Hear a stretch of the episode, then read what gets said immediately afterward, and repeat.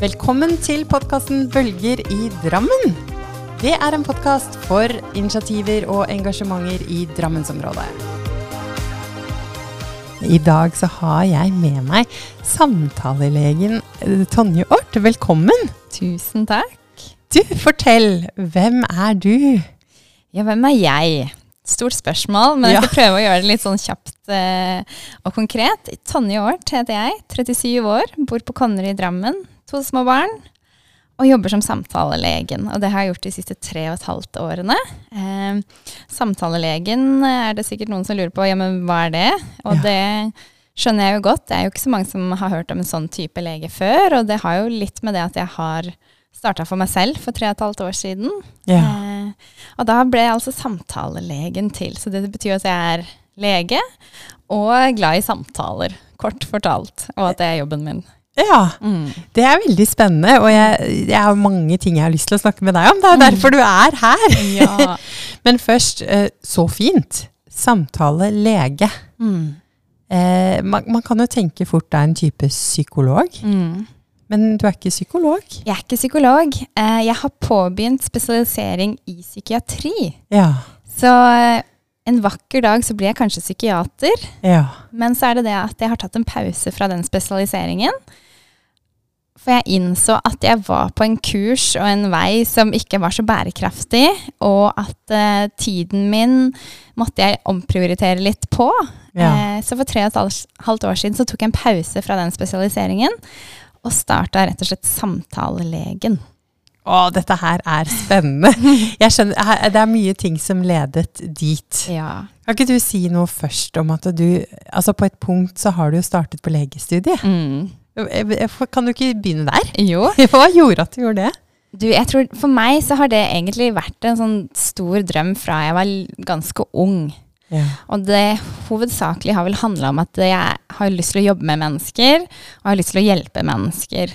Og da jeg til slutt kom inn på medisinstudiet i Århus, så er vi tilbake i 2007. Så det var da jeg starta den utdannelsen. Og det var jo på en måte det å komme inn på drømmestudiet. Ja. Det å få lov til å studere medisin og jobbe med mennesker, lære så mye om kroppen og hjelpe mennesker, da.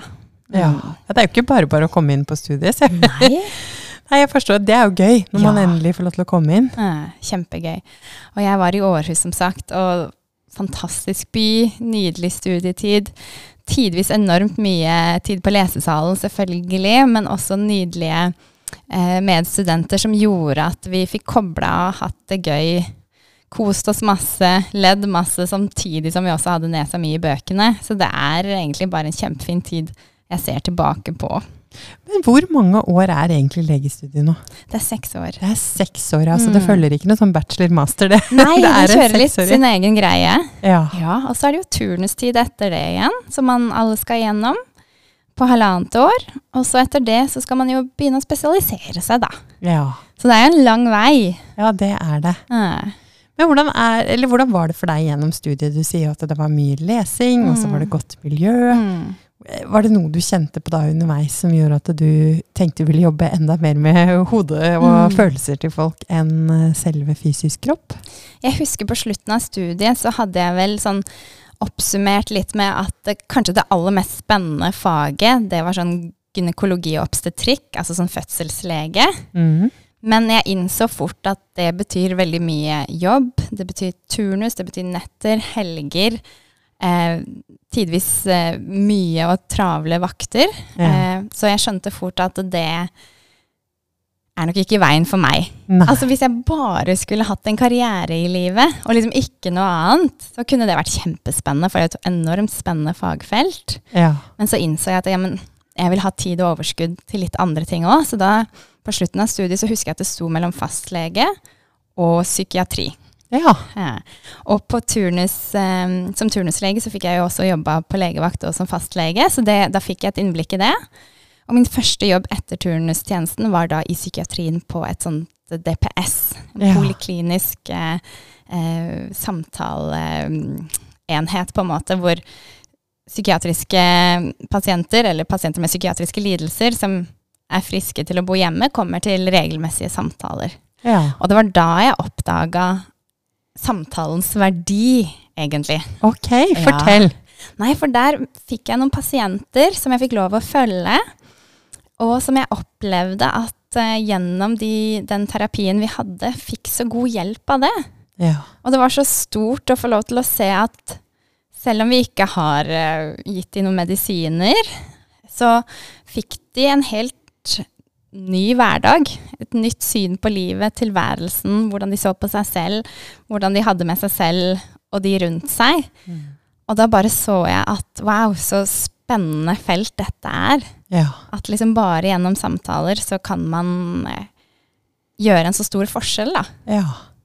ja, for hvordan gjør man det når folk har psykiske lidelser? Mm. Og så hjelper man de i samtale. Mm. Er det sånn da at man utfordrer eller støtter, eller hvordan mm. jobber man i en sånn samtale? Ja, altså det, det er jo veldig forskjellig, for vi har jo mange retninger innenfor samtaleterapi. Jeg har jobba mest med den, det som heter den kognitive metoden. Mm eh, og det går veldig direkte på tanker og følelser. Hvordan skal vi håndtere de og forholde oss til de på en mer hensiktsmessig måte. Mm. Men så er det jo det som heter metakognitiv, og veldig mange andre terapeutiske tilnærminger. Mm. Men hvis jeg skal prøve å oppsummere, så handler det jo mer om å forstå seg selv bedre. Det vi kaller psykoedukasjon. At vi underviser i hvordan sykdommen virker på personen, og hvordan man bedre kan forholde seg til det. Og så handler det om en sånn god balanse nettopp med å utfordre akkurat passe. Ja. Sånn at personen kan kjenne på mestring, ta nye skritt, øve på å se på ting på en litt annen måte enn hva de kanskje hadde gjort før. Stille litt spørsmålstegn ved mye gamle tankemønstre eller handlingsmønstre, og så ser vi er det noe som kan være mer hensiktsmessig. Ja. Så det er sånn grovt sagt eh, litt hvordan man kan gå frem, da. Ja, men spennende. Mm, mm. Det er spennende å høre hvordan man faktisk jobber. For jeg også mm. vet at det finnes så mange tilnærminger mm. til samtale. Ja, det ja. gjør det. Men da var du inne der i turnusperioden din. Mm. Og så hva, hva, skjer så videre? ja, så, ja, etter turnus så var jeg ett år i psykiatrien. Ja. Og så fikk jeg to barn med ganske kort mellomrom. Mm. Så der er det bare 15 måneder eh, mellom de, og det var også noe vi ønsket. Eh, så da gikk jeg liksom over i veldig mammarollen og mammatilværelsen. Ja. Og med en mann som var mye borte og jobba mye, så var det mye meg og barna. Og storkoste meg egentlig med det. Mm -hmm. Savna ikke jobb, og dagene var fine og meningsfulle. Og ja, rett og slett deilig å bare ha et helt annet fokus en stund. Ja. Og så kommer jo tiden når hun yngste begynner å bli stor nok til å skulle i barnehage etter hvert. Og jeg og mannen min vi ønsket å holde det hjemme litt ekstra, så han tok òg litt sånn ulønna permisjon for å utsette den barnehagestarten en stund. Sånn at når jeg skulle i jobb, så skulle han fortsatt være et halvt år hjemme med hun yngste. Ja. Og da eh, gleda jeg meg jo veldig til å komme tilbake igjen. Hadde fått jobb på angstavdelingen. Eh, for de som ikke vet det, så er det mm, en avdeling på Modum Bad i Vikersund. Som ja. er et stort psykiatrisk sykehus der. Ja. Og så veldig frem til det, og har hørt masse godt om Modum Bad og vet at de er flinke på veldig mye. Ja. Så det å få lov å starte på angstavdelingen var jo kjempespennende. Eh, og likte det veldig godt. Flotte kollegaer og givende å få lov til å jobbe på den måten, for det var veldig annerledes enn hvordan jeg hadde jobba før. Her kommer pasientene inn for 10-12 uker av gangen. Så det blir mer sånn innleggelsesopphold og mer intensiv behandling, og det var også veldig spennende å få lov til å være med på. Ja. Men så kjente jeg også det at det innebar pendling for min del, og at eh, jeg hadde gått fra å være 100% mamma til det som føltes som 20% eller mindre noen ganger. Og da kjente jeg et sånt ja, et slags, en sånn konflikt med tiden min, kreftene mine og ressursene mine. Ja. Og etter hvert så innså jeg at ja, men jeg savner å ha mer tid med barna. Ja. Så da fikk jeg heldigvis lov til Og, og, og jeg kjente også på mye stress i forbindelse med det. Og, og kjempefin arbeidsplass, men også intensiv og travle dager. Og det legge på pendling og ikke sove så godt om nettene osv. Så, videre. så Så ble det en sånn intens periode hvor jeg skjønte etter et halvt år at ok, her må jeg gjøre noe. Ja. Og da fikk jeg muligheten til å redusere arbeidsmengden til 80% og så fikk jeg en dag med hjemmekontor, og det var veldig fint. Ja. Så fullførte jeg det året, for det var kun et vikariat. Når man skal spesialisere seg, så er det veldig vanlig at vi skal på forskjellige steder. Så da var, skulle jeg egentlig videre på en ny avdeling for å få mer erfaring. Men så var det sånn, Tonje, er det sånn du Skal du bare fortsette nå videre i den mølla sånn som alle andre, eller skal du kanskje gjøre ting litt annerledes? Og da kjente jeg at ja, men akkurat nå er det mammarollen som er viktigst, og det er der jeg vil ha mer tid. Så da bestemte jeg meg for at nei, nå må jeg gjøre en slags kursendring. Du, her trenger vi å stoppe opp litt. Her syns jeg også er veldig, veldig, veldig veldig spennende. Ja. Jeg snakker jo en del om det der i, når jeg er ute hos mine kunder og holder Mm. foredrag. Det med at vi har ett liv. ja. Det er litt sånn utopi å uh, ta det inn i arbeidsliv og fritid Mm. og familieliv. Og vi har ett liv. Mm. Og som du sier, hva skal vi bruke energien vår til? Hvordan skal vi få det til å gå på en måte så vi har det bra? Mm. Jeg syns i hvert fall det er veldig trist med alle de som er i en jobb, Mm. og så kommer de hjem, og så er de slitne. Og så får familielivet det som kanskje til syvende og sist er det som eh, verdimessig er viktigst for folk. Ja. De får skurefylla. Yes. Ja. Det er veldig sant, og det kan jeg kjenne på fortsatt nå, selv om jeg har valgt litt annerledes. At liksom, ja, det er rart det der hvordan jobben, barnehagen, skolen, den får den beste versjonen av oss, for da er vi uthvilte, opplagte. ja. Og så kommer vi hjem til de som kanskje, eller de som betyr aller mest, og så er vi litt sånn ja, sloppy leftovers, Ja. over, som det heter. Eller, da er vi slitne, så vi får ikke de beste versjonene av oss selv alltid der. Nei. Nei. Men eh, det er jo mange som kan snakke om dette her. Mm. Og så er det jo ikke alle som tar de grepene og faktisk tar en prosess med seg selv. Mm. Hvordan, hvordan, eller hva er det som gjør at du er en av de som på en måte virkelig tok det steget og Mm. tok dette såpass på alvor? Mm, ja, godt spørsmål. Jeg vet ikke helt hvorfor, egentlig, men for meg til slutt så bare ble det så tydelig at jeg kan ikke fortsette sånn lenger. Fordi jeg begynte å kjenne stresselementene på kroppen i form av hodepine. Altså jeg har vært heldig og nærmest aldri hatt hodepine før, og så plutselig kom den spenningshodepinen. Ja. Jeg begynte å kjente enormt mye på savn av barna mine.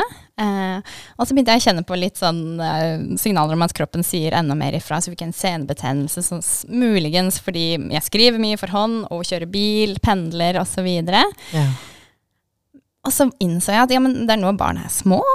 Mammarollen betyr masse.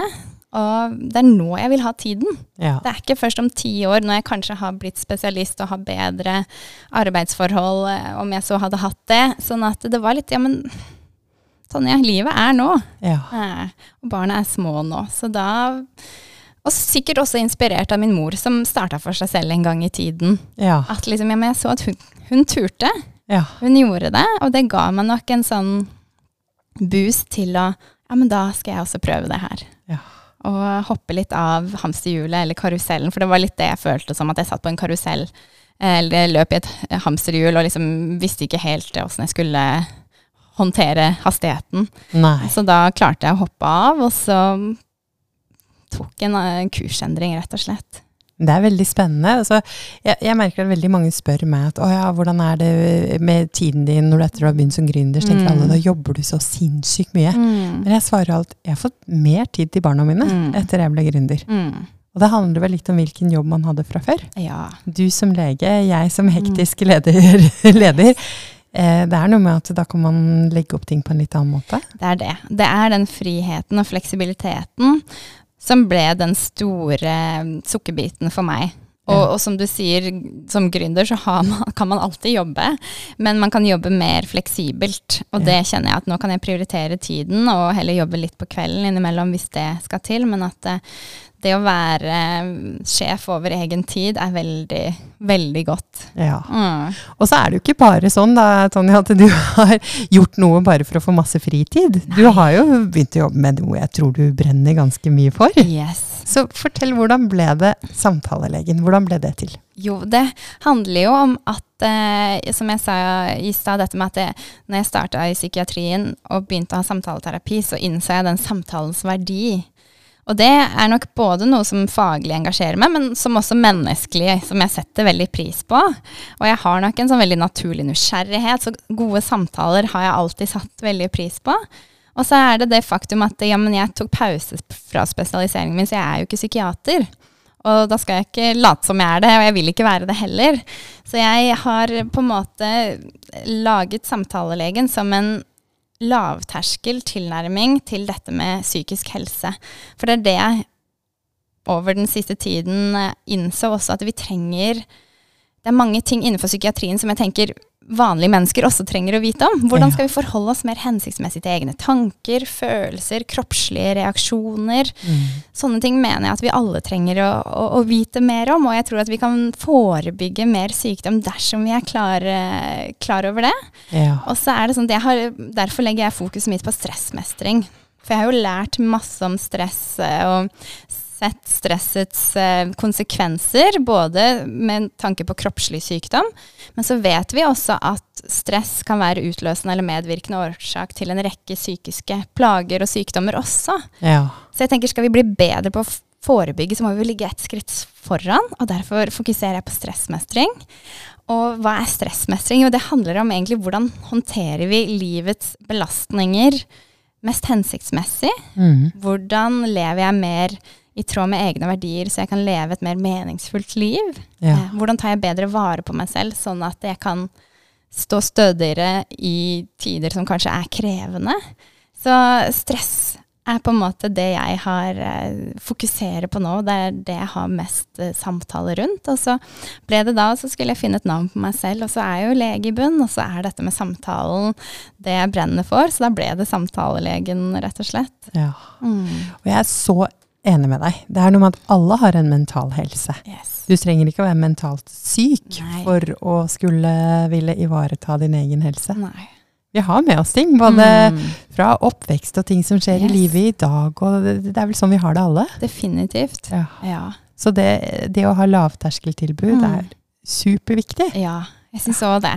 Men hvordan var oppstarten fra du bare Ok, jeg skal mm. ha bedre tid, lavere skuldre, skjønner jeg. og jeg vil jobbe med lavterskel samtaler, samtalelegen. Ja. Hvordan, hvordan, gikk du for å liksom begynne å komme ordentlig i gang med dette her? Jeg fikk meldt meg på noe som Næringslivsforeningen i Drammen eh, hadde noen sånne kurser, så jeg starta litt med det. Ja. Og så var det sånn, da var jeg på dagpenger en liten periode, for jeg var i tvil. Skal jeg begynne på nytt vikariat, eller skal jeg nå gå min egen vei? Det var liksom ikke Det skjedde ikke på en, et døgn, på en måte. Det var en prosess jeg sto i. Men så måtte jeg på et sånt kurs eh, med Nav å, som alle som står på dagpenger skal på. Og da var det ei som helt tilfeldigvis sa du, du kan søke penger eh, fra Nav om etablering av egen eh, bedrift mens du fortsatt får dagpenger. Ja. Og da måtte jeg skrive en sånn bedriftsvurdering eh, og en del om meg selv, og så fikk jeg en sånn vurdering er dette bærekraftig eller ikke. Og det gjorde at jeg fikk en sånn oppstartsfase, ja. sånn at jeg kunne hoppe rett i det.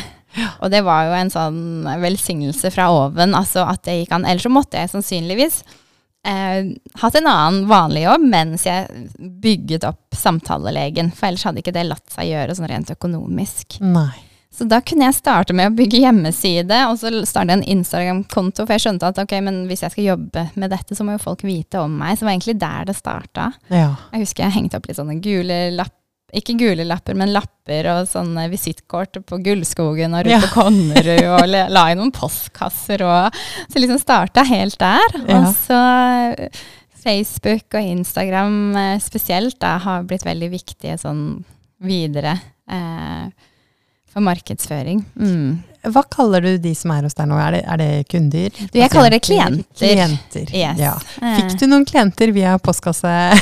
Jeg tror kanskje ikke det. da var det nok heller mer den jungeltelegrafen at liksom Jeg tror det var kanskje noen som At jeg hadde delt noe på Facebook, og så var det noen venner som delte det, som noen fanga opp. Og så var det litt sånn det begynte. Og så begynte jeg å legge, lage en Instagram-konto, for jeg skjønte at det er en måte å nå ut til folk på òg. Ja. Og dette var jo i 2019, så det var et halvt år cirka før pandemien starta. Ja. Så det jo, har jo også blitt en veldig viktig arena for meg, dette med sosiale medier, da. Ja. Mm. Og så i dag så snakker du både med klientene dine digitalt mm. og fysisk. Mm. Jeg har digitale videosamtaler, og så har jeg kontorsamtaler, og så har jeg faktisk også tursamtaler. Tursamtaler, sånn Ja. walk and talk. Yes, Ja. indeed. I skogen. Så det er veldig fint. Ja, så Mm. bra. Ja, for korona sånn sett, det, det var kanskje ikke den dårligste timingen, sånn rent for din virksomhet? Nei, egentlig ikke. Alt ble jo satt selvfølgelig på pause en stund. Men så tror jeg nok også at, eh, som vi alle har kjent på, at det ble jo også en veldig krevende tid for veldig mange av oss. Sånn at det, det kom nok meg litt til gode, akkurat det, med tanke Ja. på oppstart av bedrift. Mm. Ja, og både det at du kunne jobbe digitalt, Ja. og folk var hjemme og ikke kjente på mange ting, vil jeg Yes. tro. Ikke minst det. Mm. Er veldig spennende. Mm. Men nå, nå har du holdt på noen år, da. Nå har det blitt tre og et halvt år. Ja, og, og, og hvordan går det? Har du Det er sånn som alle spør gründere, Ja. har du mye å gjøre? Ja, jeg har det. Altså, Det er veldig deilig å faktisk kjenne at det bærer. Det går. Nå har jeg gjort dette i tre og et halvt år og trives veldig godt. Det er en kjempefin eh, gruppe mennesker jeg har samtale med. Og eh, jeg er så takknemlig for at jeg får lov til det her, rett og slett. Jeg opplever det som veldig viktig, og det er veldig meningsfullt òg. Så det går bra. Jeg må passe litt på den stressbalansen igjen, det med at uh, det må ikke bli for mye heller. Nei. At uh, jeg må også ivareta meg selv i det, og det er jo noe jeg snakker veldig mye med mine klienter om. Ja. Uh, så mye av de, det jeg snakker med de om, mye av det jeg skriver på Instagram, det er også ting jeg må implementere regelmessig i eget liv òg. ja. For det er lett at uh, det kan bli for mye av det gode også, og det Ja. kan også tære på. Så, Jeg vet ikke om du kjenner det, det er kanskje litt det du sier. Jeg kjenner Mm. i hvert fall det at når jeg snakker med mine kunder, da, jeg kaller Mm. mine kunder for kunder, mm. så lærer jeg alltid ting selv. Jeg tenker ja, det her må jeg kanskje tenke på selv òg. Det er lett å sitte og veilede andre, og så tenker du filler'n heller. Det Mm. gjelder jo meg selv òg. Ja, ja, ja. Virkelig. Jeg lærer masse, jeg. Ja. Så, så definitivt, og som du sier, og det er veldig lett å sitte og gi gode råd og veiledning. Og så er det viktig å huske på at ja, men jeg er heller ikke perfekt og fikser ikke livet hele tiden eh, i, i det hele tatt. Så Nei. vi er jo alle uperfekte mennesker som som eh, stabber, stabber oss eh, tidvis gjennom dette livet. Sånn at eh, nei, det er masse å lære fortsatt, ja. Og så syns jeg det er spennende det du sier om det uperfekte. Her Mm. vet jeg at vi deler litt eh, også tanker. Mm. For det er vel kanskje noe med det derre fasademennesket og alle de kravene som kommer til oss via hvordan andre har det i sosiale medier, Mm. hvordan det skal være, Mm. som også i stor grad bidrar til Mm. stress. Yes, definitivt. Det kan definitivt være en, en stor stresstrigger, det.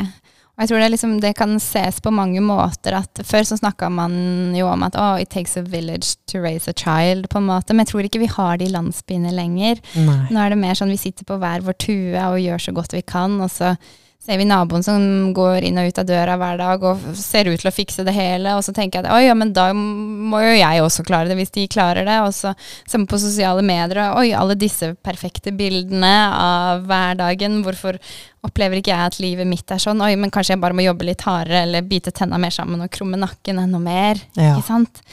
Så det er ikke bare bare. Eh, det individualistiske samfunnet vi lever i, som det betegnes litt som, da. Ja. Mm. Og heldigvis da, så tror jeg det blir mer og mer fokus på de tingene som du driver med, Mm. og jeg driver med. Som, altså, Mm. vi driver ikke med det samme. Jeg jobber jo med ledere og, og jobber inn i en firma, men det handler mye om det samme likevel. Det tror jeg det gjør. For det er likevel noe med de nære samtalene. Mm. Jeg setter jo opp refleksjonsgrupper Mm. med ledere for at de nettopp skal møte andre og få Mm. snakke om de tingene som er Mm. krevende også med lederskapet. Og det er det du snakker om, men ikke i lederboksen. Folk, Mm. At man får snakke om de tingene som er vanskelig. Og jeg tror det er så viktig, og jeg tenker at vi alle trenger noen å prate med i sesonger i livet. Og det å kunne snakke om ok, hvordan er det nå? Eh, er det noe Både det at det har verdi å sette ord på det til noen man ikke kjenner, eller har noen forpliktelser, eller ikke skal være redd for å bruke opp, eller noen man må ta hensyn til, vet jeg mange setter veldig pris på. Og så er det noe med ok, men har jeg noen uhensiktsmessige tankemønstre, handlingsmønstre, strategier osv.? Lever jeg bare etter andres forventninger? Er jeg altfor opptatt av hva andre tenker og mener om meg, sånn at jeg ikke har, tør å gå egen vei, osv.? Så, videre. så Mm. en sånn, det å stoppe opp, bli litt mer bevisst, er kjempeviktig. Det er liksom der det starter, tenker jeg. Jeg er helt enig. Og så er det ofte det tar tid da fra å være bevisst noe til det faktisk Mm. endring skjer. Ja. For det er disse følelsene, òg, De må være med, de òg. ja. Det er ikke alltid de oppfører seg akkurat sånn som hodet tenker de skal. Definitivt ikke. Og alt er jo mye enklere sagt enn gjort. Ja. Eh, så, så det er jo ofte litt tid som skal med inn i bildet òg. Så dette med sånn pleier ofte å bruke det bildet med mine klienter, det der med at vi skal opp en trapp. Mm. man, kan si, man kan også si at ja, alle er mennesker som skal opp en fjelltopp. Vi klatrer på hver vår fjelltopp, og eh, noen ganger så er utsikten nydelig, og vi kan stoppe opp og puste og bare se, se det vakre rundt oss. Andre dager så er det liksom tåkete, og det er tungt, og det er bratt, og man må kanskje bare fokusere på neste trinn foran seg. Men så er det jo også viktig å huske på at ja, men hvis ingen av oss når den toppen noen gang, altså vi er alle underveis, ja.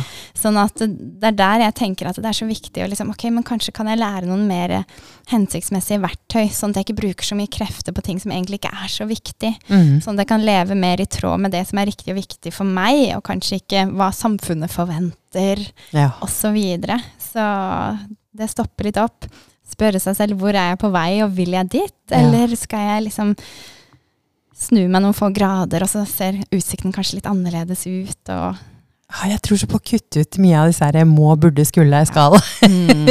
Disse forventningene som Mm. ja, blir lagd av andre, eller Mm. kanskje ofte oss selv. Mm. Vi, det er vel ganske menneskelig å legge mye forventninger til seg selv og fokus på hvordan det skal være. Absolutt. Ja. Men jeg vet jo du gjør eh, flere ting, Tonje. Mm. Det er noe retreat eh, på gang. Kan du fortelle om er det? er retreat på gang. Du, nå er det jeg og to legevenninner som lager et sånn retreat en helg nå i oktober i Valdres. Vi gjorde det i fjor, og det ble en skikkelig fin helg, og vi fikk masse gode tilbakemeldinger. Så nå lager vi en ny helg igjen, eh, som heter Balansen, kaller vi den. Ja. For vi mener at det er, balansen er kanskje noe av det viktigste vi skal jobbe med sånn, i hverdagen vår. Det å holde en sånn god balanse. Akkurat eh, ikke gi for mye, ikke for bakpå, men når livet skjer, eller når hverdagen skjer, hvordan gjenfinner jeg balansen igjen, så jeg kan holde meg gående. Så jeg ikke faller ned i en grøftekant og blir liggende. ja. Så nå arrangerer vi Balansen 2023. Stikkordene er pause og påfyll. Så vi har på en måte alle tre veldig helhetlig helsefokus. Vi engasjerer oss for det, og at eh, vi skal bli enda bedre på å forebygge. Så her er det fokus på eh, gode relasjoner, kosthold, søvn, yoga, mindfulness, pusteøvelser. Det blir undervisning innenfor stressmestring og mental helse og bevegelse. Eh, og det blir en nydelig fjelltur, det blir god mat, råvarebasert, og trening utendørs, og ja, bare en sånn skikkelig nydelig avkoblingshelg, egentlig. Men hvor vi også håper å gi noen verktøy som man kan ta med tilbake til hverdagen igjen, sånn at vi kan bedre ta vare, oss, ta vare på oss selv. Så det er en helg i oktober fra Yes. februar til eh, Nei, fra februar. Fra fredag til søndag. Fra fredag til søndag. 13. til 15. oktober. Ja. Mm. Og da er det for både menn, kvinner, alle aldre? Det er for menn, kvinner, alle aldre. Ja. Uh, Så påmeldingen er i gang. Vi har fortsatt ledige plasser, så hvis det er noen der ute som har lyst til å være med, så er det bare å ta kontakt med meg, eller gå inn på Instagram-sida mi, eller uh, ja, følge helhetslegene.no for mer informasjon. ja. Mm. Og du er samtalelegen Ja. på Instagram. Hvis Jeg man er skal der. samtalelegen på Instagram. Mm. Det er spennende. Hvor mye må man betale for å være med på en sånn helg?